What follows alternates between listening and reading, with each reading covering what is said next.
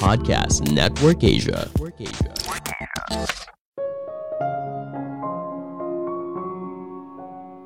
Dalam kondisi yang terancam, kita bisa melakukan sesuatu yang ada di luar kebiasaan. Halo semuanya, nama saya Michael. Selamat datang di podcast saya, Sikutu Buku. Kali ini saya akan bahas buku Why We Snap karya Douglas Fields. Sebelum kita mulai, buat kalian yang mau support podcast ini agar terus berkarya, caranya gampang banget. Kalian cukup klik follow Dukungan kalian membantu banget supaya kita bisa rutin posting dan bersama-sama belajar di podcast ini. Buku ini membahas kenapa kita bisa tiba-tiba saja meledak dan marah pada dalam situasi tertentu. Padahal dalam waktu normal, kita adalah orang yang tenang dan hati-hati dalam bertindak. Penulis berargumen setiap manusia ibaratnya punya arus kemarahan yang tidak bisa kita kontrol sepenuhnya. Mungkin kita pernah mendengar sebuah berita, misalnya soal penganiayaan atau pembunuhan oleh seseorang, yang ketika lingkungan sekitarnya diwawancarai bagaimana pribadi si pelaku, banyak orang bilang kalau si pelaku merupakan orang yang baik dan mereka tidak pernah menyangka kalau si pelaku bisa berbuat seperti itu. Fakta yang menyedihkan adalah ketika ada pemicu yang tepat pada situasi yang tepat, maka kita bisa meluapkan kemarahan tak terkontrol hampir kepada siapa saja namun hal ini tidak selamanya buruk. Arus spontan yang sama juga bisa mendorong kita untuk melakukan sebuah tindakan spontan dalam menolong orang lain. Misalnya seseorang yang tiba-tiba saja berenang demi menyelamatkan orang lain yang sedang tenggelam. Saya merangkumnya menjadi tiga hal penting dari buku ini. Pertama, kenapa kita bisa tiba-tiba saja marah besar? Setiap orang pasti pernah marah, kita mungkin pernah ngomel ketika jalan kita diserobot oleh pengendara lain, atau kesal ketika tetangga berisik di malam hari. Tapi ada kemarahan yang tidak biasa. Ada kemarahan yang tiba-tiba saja meluap dan membuat kita melakukan sesuatu di luar kebiasaan. Penulis bercerita saat dirinya dan anak perempuannya pergi ke Barcelona. Dia memutuskan untuk mengubah perjalanan bisnis sekaligus menjadi acara keluarga untuk liburan mereka berdua. Namun dalam perjalanan tersebut, penulis beberapa kali mengalami kecopetan. Hingga di kejadian terakhir, kemarahan penulis meledak. Dia lalu lari mengejar si pencopet, menjatuhkannya ke tanah, dan mencekik si pencopet. Anak perempuannya tidak pernah menyangka ayahnya bisa melakukan hal itu. Wajar saja, ayahnya bukan tipe berotot dan kekar, hanya pria biasa yang merupakan ilmuwan bagian otak. Cerita ini menjelaskan fenomena aneh tentang kemungkinan untuk marah yang meledak. Seringkali hal ini terjadi secara tiba-tiba. Kita mungkin saja bisa tidak memperdulikan ejekan atau provokasi selama bertahun-tahun. Lalu boom, kemarahan kita meledak. Barulah ketika kejadian itu selesai, kita mulai penasaran. Kok bisa ya kita berperilaku seperti itu? Kemarahan yang membabi buta sering kali mengambil alih pikiran kita dan melawan logika. Apa yang dilakukan oleh penulis dalam kacamata logika tentu saja terlihat bodoh dan tidak rasional. Ketika kita merasakan bahaya, entah itu misalnya dari serangan hewan buas atau dari netizen julid di media sosial, kita mengalami kondisi untuk memilih dua pilihan, entah itu menyerang atau kabur.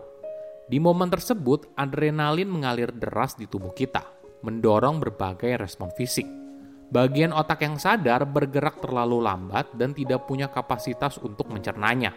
Jadi, ketika kamu mengalami ancaman yang tiba-tiba, misalnya tiba-tiba saja ada orang yang memukul wajah kamu, maka kamu harus merespon lebih cepat daripada bagian otak sadar bergerak. Alam sudah mengembangkan jalur cepat menuju amigdala, bagian otak yang merupakan muara dari semua panca indera sebelum informasi tersebut dilanjutkan ke bagian korteks, di mana kesadaran kita berada. Bayangkan kamu sedang berada di lapangan basket. Tiba-tiba saja ada bola melaju kencang menuju wajah kamu. Seketika kamu langsung menunduk. Pikiran bawah sadarmu bisa mendeteksi hal tersebut karena adanya input visual ke amigdala. Ada sebuah objek yang tidak biasa sedang bergerak menuju ke arah kamu. Hal inilah yang lalu mendorong penilaian cepat dan otak lalu memerintahkan anggota tubuh untuk bergerak. Di momen itu, kamu bisa saja berhenti melihat tanganmu seperti sebuah tangan tapi bisa saja kamu menganggap sebuah tangan sebagai senjata yang bisa digunakan untuk melindungi kamu dari bahaya.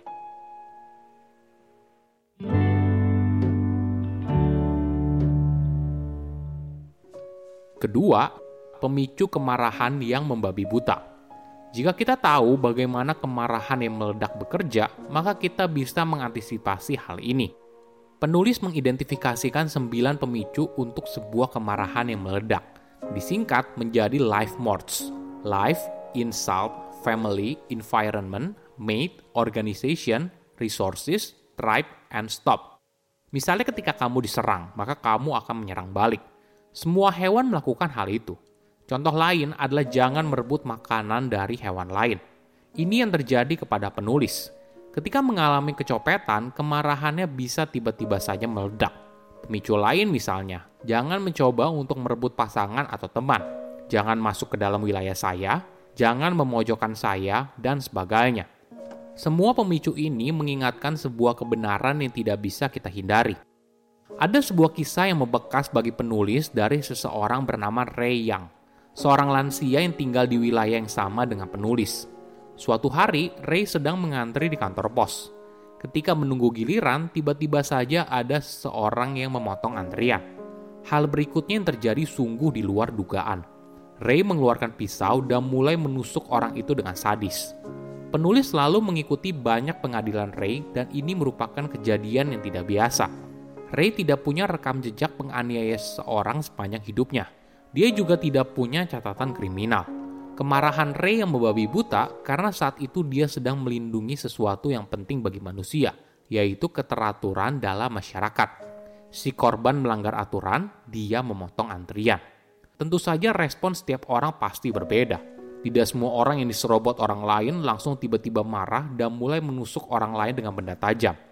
Penulis menjelaskan, jika kamu dibesarkan dalam lingkungan dengan tingkat kriminalitas yang tinggi, mungkin saja kamu mudah meledak-ledak dan perubahan ini bisa terlihat dalam otak. Selain lingkungan, stres juga sering kali jadi salah satu faktor yang mendorong kita melakukan tindakan yang ekstrim.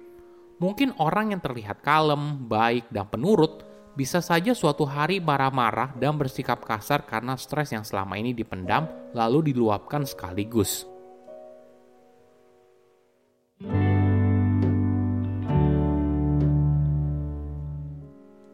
Ketiga, kemarahan yang berakhir positif. Kemarahan tidak selalu berakhir negatif. Sejarah panjang perubahan didorong oleh emosi yang kuat seperti kemarahan. Dan hal ini mendorong banyak orang untuk turun ke jalan melakukan unjuk rasa memperjuangkan keadilan. Ada kisah dari Mohamed Bou Azizi yang merupakan seorang pedagang kecil di Tunisia. Pada tahun 2010, dia mengalami kejadian tidak mengenakan dengan polisi Menurut beberapa orang, seorang polisi menyita timbangan yang digunakan oleh Boazizi untuk menjual barangnya. Yang lain bilang kalau polisi melarang Boazizi untuk membuka lapaknya. Beberapa ada yang bilang kalau Boazizi ditampar dan dipukul oleh polisi. Kejadian ini membuat dia kesal dan berusaha untuk protes ke kantor pemerintah. Namun ketika sampai di sana, dirinya justru tidak diperbolehkan masuk. Boazizi lalu dipenuhi oleh rasa ketidakadilan Tiba-tiba saja dia membasahi tubuhnya dengan bensin, lalu membakar dirinya di depan kantor pemerintah yang melarangnya masuk. Ketika apinya berhasil dipadamkan, 90% tubuh Boazizi terbakar dan dirinya meninggal beberapa hari kemudian. Kisah malang yang dialami Boazizi seketika mendorong ribuan orang untuk turun ke jalan melakukan protes menuntut presiden yang saat itu untuk mundur. Sepuluh hari setelah kematian Boazizi, Presiden Tunisia akhirnya mengakhiri jabatannya selama 23 tahun dan kabur ke luar negeri. Oke, apa kesimpulannya? Pertama, kemarahan yang tiba-tiba. Seringkali kemarahan yang membabi buta terjadi secara tiba-tiba. Kita mungkin saja bisa tidak memperdulikan ejekan atau provokasi selama bertahun-tahun. Lalu boom, kemarahan kita meledak. Barulah ketika kejadian itu selesai, kita mulai penasaran. Kok bisa ya kita berperilaku seperti itu? Kedua, pemicu kemarahan yang meledak. Jika kamu dibesarkan dalam lingkungan dengan tingkat kriminalitas yang tinggi, mungkin saja kamu mudah meledak-ledak. Selain itu, stres juga sering kali jadi salah satu faktor yang mendorong kita melakukan tindakan yang ekstrim. Mungkin orang yang terlihat kalem, baik, dan penurut bisa saja suatu hari marah-marah dan bersikap kasar karena stres yang selama ini dipendam, lalu diluapkan sekaligus. Ketiga, kemarahan tidak selalu berakhir negatif. Sejarah panjang perubahan didorong oleh emosi yang kuat seperti kemarahan. Dan hal ini mendorong banyak orang untuk turun ke jalan melakukan unjuk rasa memperjuangkan keadilan. Saya undur diri, jangan lupa follow podcast Sikutu Buku. Bye-bye.